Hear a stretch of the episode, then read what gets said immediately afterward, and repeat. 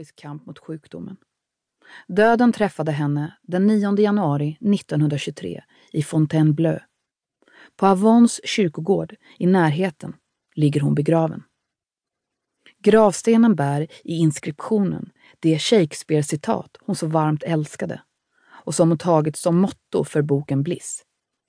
Men jag säger eder, milord narr, att på nässlan fara plockar man blomman säkerhet.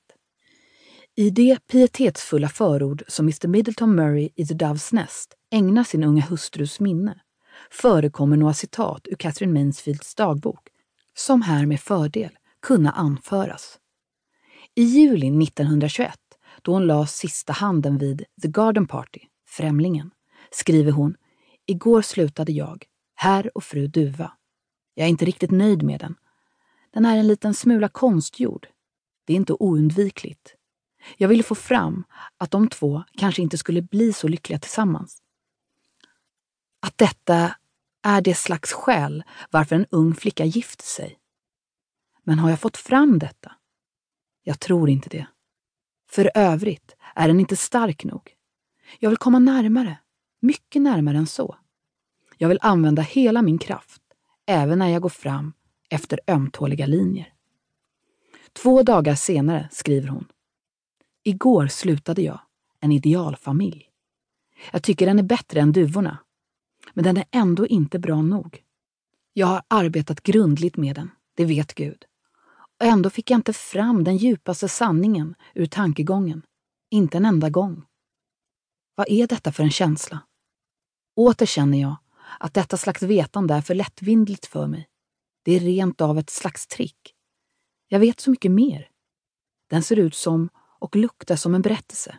Men jag skulle inte vilja köpa den. Jag känner ingen lust att äga den. Att leva tillsammans med den. Nej. Längre fram kommer hon på det klara med orsaken till sin otillfredsställelse. Ja, jag måste bekänna att jag varit lat idag. Gud vet varför. Allt sammans skulle skrivas, men jag bara lät bli. Jag tänkte jag skulle göra det, men efter teet var jag trött och vilade mig istället. Är det rätt eller orätt av mig att göra så?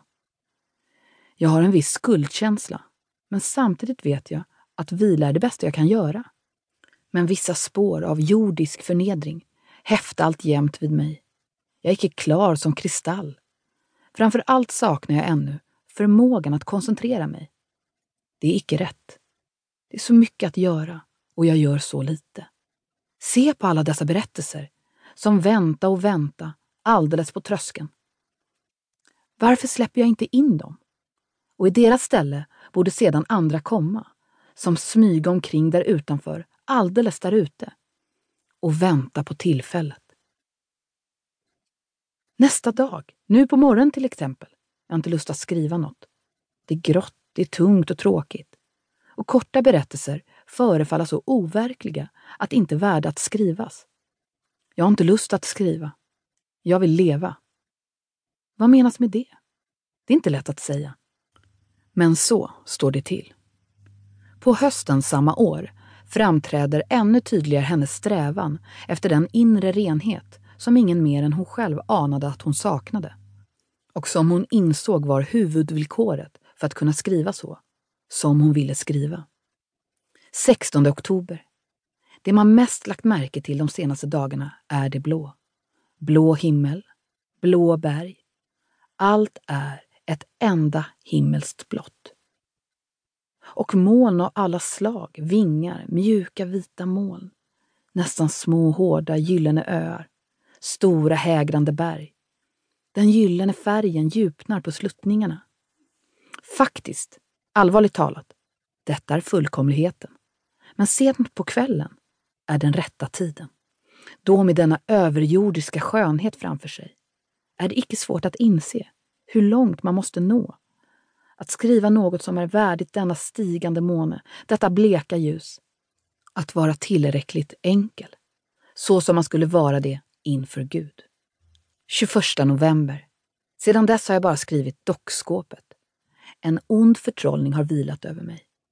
Jag hade börjat på två berättelser, men så berättade jag dem muntligt och de kände sig förrådda. Det är absolut ödesdigert att ge vika för den frestelsen.